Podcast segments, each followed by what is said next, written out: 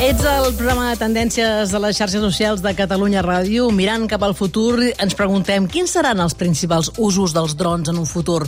Com podem aprofitar al màxim la tecnologia mòbil, per exemple, el 5G, per la seva evolució?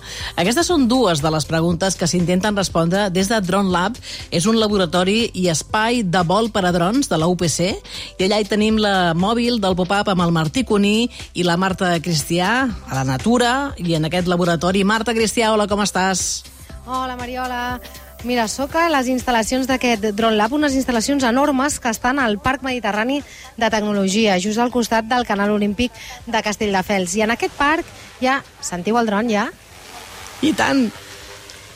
En aquest parc hi ha, entre altres coses, l'Escola d'Enginyeria de Telecomunicacions i Aeroespacials de la UPC, però també empreses, una incubadora d'empreses i altres centres educatius. Així que us heu d'imaginar, per una banda, un espai molt gran de més de 3.000 metres quadrats plens d'edificis, de, com edificis universitaris, i per l'altra, una zona, eh, doncs això, el laboratori, una zona de vol que és un espai de, entre, de 90 metres quadrats per 45 metres, uns 15 metres d'alçada, protegits per una xarxa, una xarxa com de porteria de futbol, eh? O sigui, no una xarxa rígida, sinó una xarxa de, de tela, així que aconsegueixen com les condicions de vol en l'aire lliure, però en un espai eh, fora de l'espai aeri protegit per l'àrea d'influència, diguem, de, de l'aeroport, doncs, que no el tenim tan lluny, no?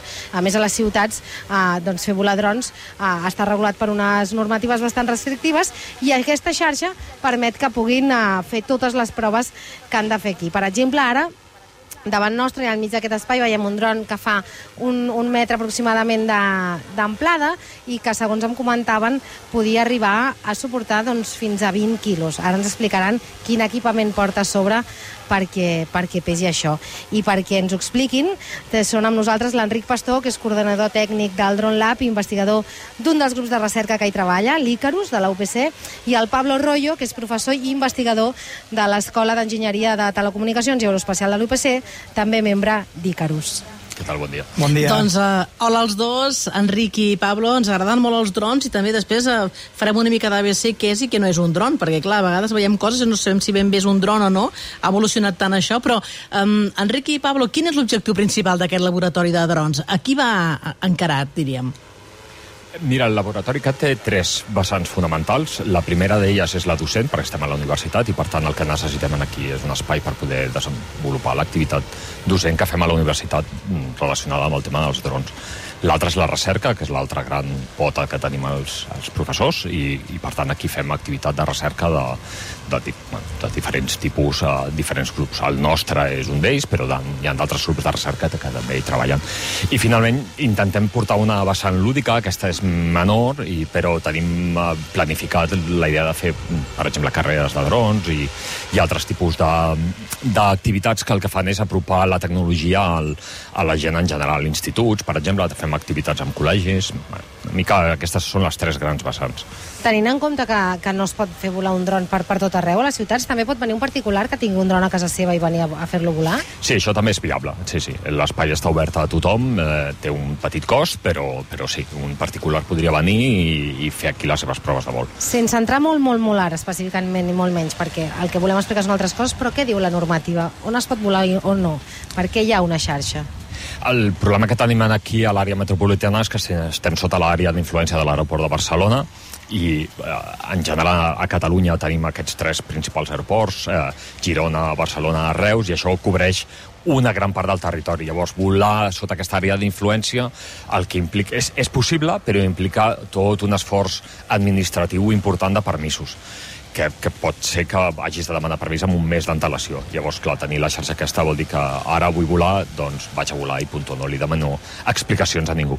Pablo, què estem veient? Que, que, quin tipus de dron és el que tenim davant i què està fent?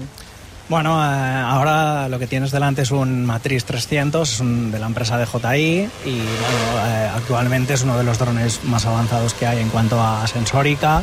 Eh, pues es capaz de detectar obstáculos eh, a 360 grados en, todas las direcciones Y bueno, ahora lo que, lo que veis lo tenemos equipado con unas antenas porque estamos trabajando en, en una serie de proyectos. Eh, concretamente lo que hacemos es buscar gente. ¿no? Eh, lo que ves es eh, una antena que lo que hace es detectar dispositivos Bluetooth. Es decir, imagínate que eh, estás en el bosque y pues te has quedado sin batería en el móvil, pero tienes un reloj deportivo el cual pues emite eh, Bluetooth, ¿no? Pues eh, lo que estamos ahora, estamos en un proyecto donde lo que hacemos es detectar desde el dron ese tipo de dispositivos para que pues los bomberos o el personal de emergencias pudiera, pudiera pues, buscarte y rescatarte. Clar, estos, eh, aquests dispositius no porten un GPS, per tant no et donen el punt exacte on tu estàs, però sí que el dron pot donar-te informació doncs, d'una àrea concreta, de dir en aquests quilòmetres quadrats sí que pots trobar aquesta persona? Exacto, nosotros desde el dron pues sabemos hasta dónde eh, podemos detectar esos dispositivos, entonces te podríamos decir, podríamos decir pues al, al personal de emergencias, en esta zona hay un dispositivo Bluetooth y por tanto potencialmente puede haber una persona que, que podemos buscar, ¿no?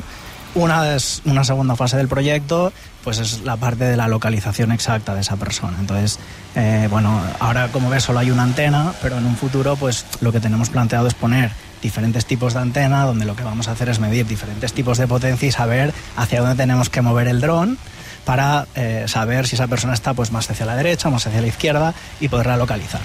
Que ningú s'imagini que davant tenim, bueno, suposo que pel soroll ja, ja us deveu fer una idea, eh? Però que ningú s'imagini que davant tenim un dron com els que es poden portar als Reis, a, als nens que han portat a, a pràcticament tot Catalunya aquest any, que era com el regal estrella, no? Són aparells totalment diferents. O, o la tecnologia és la mateixa?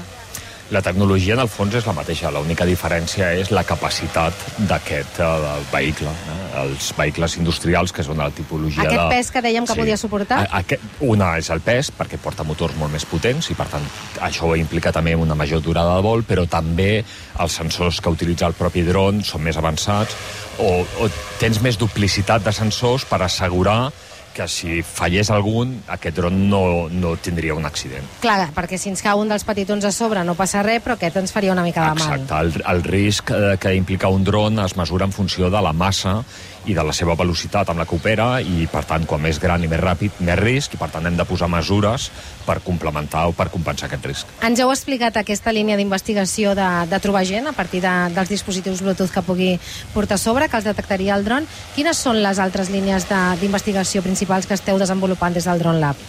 Nosaltres, el, com a grup de recerca, tenim una línia molt important, que és la del futur espai aeri eh, que s'anomena U-Space.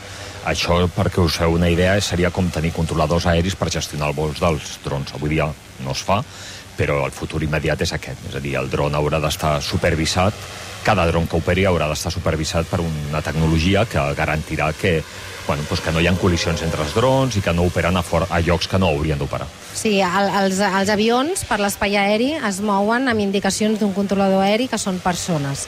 Els drons es podran moure per sobre nostra amb controladors aeris que seran màquines, és això? Exactament.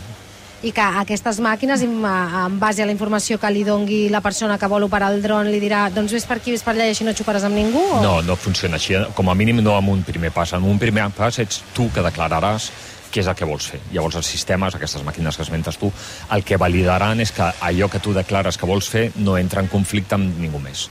I per tant, d'alguna manera, ja d'entrada garantiran que el teu vol el podràs desenvolupar sense cap mena de problema. Per com ho expliqueu? Estic pensant, Marta, no que, eh, clar, cada vegada hi ha més els cossos de, de seguretat, tant bombers, policies, per a tot això que estan explicant dels usos, evidentment, i també els últims temps Mossos han explicat que també comencen a, a bueno, ja fa temps que van servir drons, suposo que també pot servir de camp de, de clar d'entrenament, no? Perquè no deu ser fàcil portar un dron d'aquests, no? Sí, el, el, eh, el Drone Lab, uno de los, de los usos que tiene es eh, poder realizar prácticas. Eh, de hecho, cualquier prototipo que realizamos, lo primero que hacemos es volarlo aquí antes de salir fuera de lo que es, de lo que es la red. ¿no? Y ahora que comentabas esto de los cuerpos de seguridad, otro de los proyectos en los que, en los que estamos trabajando es eh, la detección de fuentes radiactivas con drones.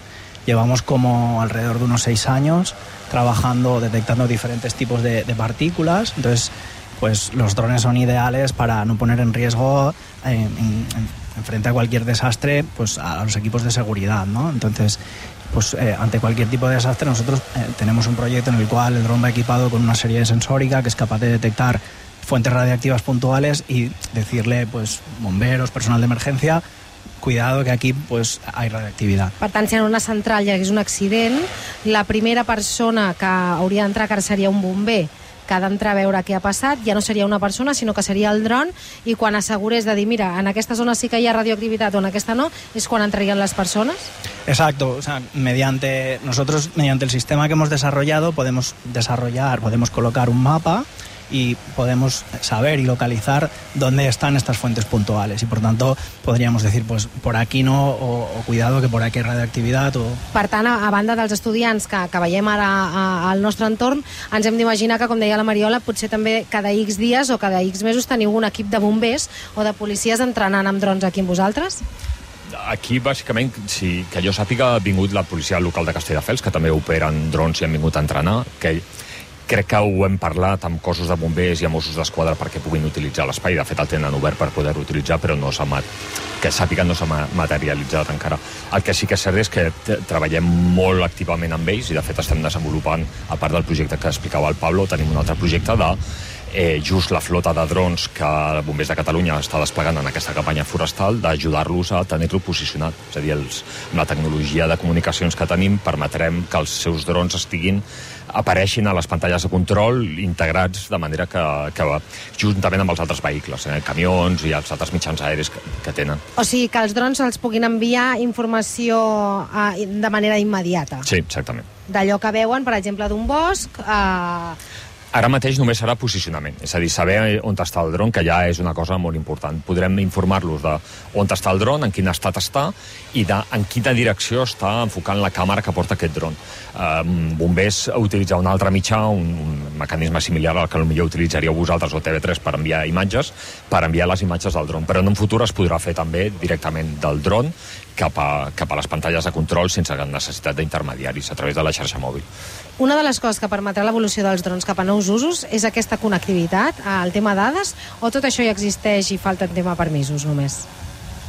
No, falta, falta tecnologia encara, perquè el, el, el dron és un vehicle que necessita integrar coses molt miniaturitzades. Hem parlat de que podem pujar un, dos, tres quilos, però els, els quilos s'acaben de seguida. Per tant, necessites, has de ser molt curós amb el que poses a bord del dron. I, per tant, necessitem sistemes miniaturitzats molt específics per poder ser volats de manera eficient. De fet, abans de, de, de començar la connexió en directe, comentàvem que el Drone Lab encara no està acabat del tot, que hi ha tota una part de connectivitat que encara esteu desenvolupant. Què esteu fent exactament per ajudar a aquesta evolució dels usos del dron? La idea, idea inicial, quan es va crear el Drone Lab, és de portar en paral·lel un projecte de comunicacions mòbil, 4G i 5G, o 6G en el futur. Llavors, eh, l'espai és un espai de proves, però que ha d'estar envoltat d'una sèrie d'elements que permetin fer aquest, aquesta validació o aquest test amb aquestes tecnologies mòbils i el que ens falta és acabar de desplegar infraestructura, és a dir, de portar fibra òptica en aquí per poder posar estacions base 5G i en el futur 6G i poder fer els experiments necessaris per dir com, com s'ha de configurar aquesta xarxa mòbil, com hem de configurar aquest 5G per ser útil, per, per, en particular pels drons. O sigui que la internet de les coses arribi cada un dels drons? Sí, de fet el dron seria un element més de la internet de les coses, seria un, un participant més dins d'aquesta xarxa. Sí, de hecho es una de las cosas que, que hacemos principalmente, ¿eh? es subir computación al dron y esos computadores lo que hacemos es conectarlos a internet, de manera que tenemos el dron conectado a internet. Eso nos permite poder controlar el dron desde cualquier lugar del mundo, ¿no? Es decir, desde cualquier sala de control podemos enviar al dron y decirle ejecuta este plan de vuelo, despega... Otra cosa es que la, la normativa lo permita, ¿eh? Clar, exacte. Claro, claro, claro. O sigui, Tecnolo ara... Hablamos tecnològicamente, ¿no? Vale, la tecnologia ens permet que des d'aquí poguéssiu enviar un dron a l'altra punta del món i que tornés. Però sí, no es pot fer encara per normativa.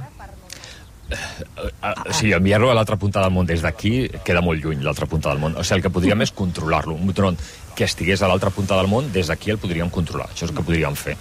Però la normativa ara el que obliga és que el pilot estigui a menys de 500 metres del dron i, per tant, la típica imatge que tenim d'un dron i una persona amb un comandament, de moment, això Clar, és el que, que això ho tenim. tenim molt al cap. Sí. Eh, tots els Però... que no en tenim ni idea de drons, és una persona amb un comandament com de, de cotxe a distància però uh, pel cel. Ja. I uh, que això pugui no ser així uh, és com una gran, un gran canvi, permet usos molt diferents quan les persones estem Exacte. a prop de les màquines o no. De fet, el, eh, perdona, Pablo, el, de fet el, el, el, el dron és un element com a superautomàtic i tal, i es veu com una, una, un avanç tecnològic molt important, però no deixa d'estar comandat per una persona que ha d'estar molt a prop, per tant és com una antítesi total. El que voldríem és que aquest dron pogués ser o bé molt autònom o bé que es pogués controlar de manera molt remota i, i sense tenir aquesta necessitat de tenir Doncs la persona avui, allà mira, enganxada. Hem fet una masterclass avui de drons, ja veieu que s'està treballant moltíssim en aquest Drone Lab i que té moltes possibilitats eh, el dron, des dels cossos de seguretat, el control i el que deia jo, no, de mirar des de dalt eh, de la terra, no? que això també fa que, que, que puguis veure el control d'incendis, etc. Moltíssimes gràcies a, a tots dos, bona feina, a l'Enric Pastor, al Pablo Royo i també a la Marta Cristià i al Martí Cuní, que són amb la mòbil, això, mirant drons, que no és cap broma, això del dron, i que ens pot ajudar en moltes coses. Una abraçada. Gràcies. Moltes gràcies. Gràcies.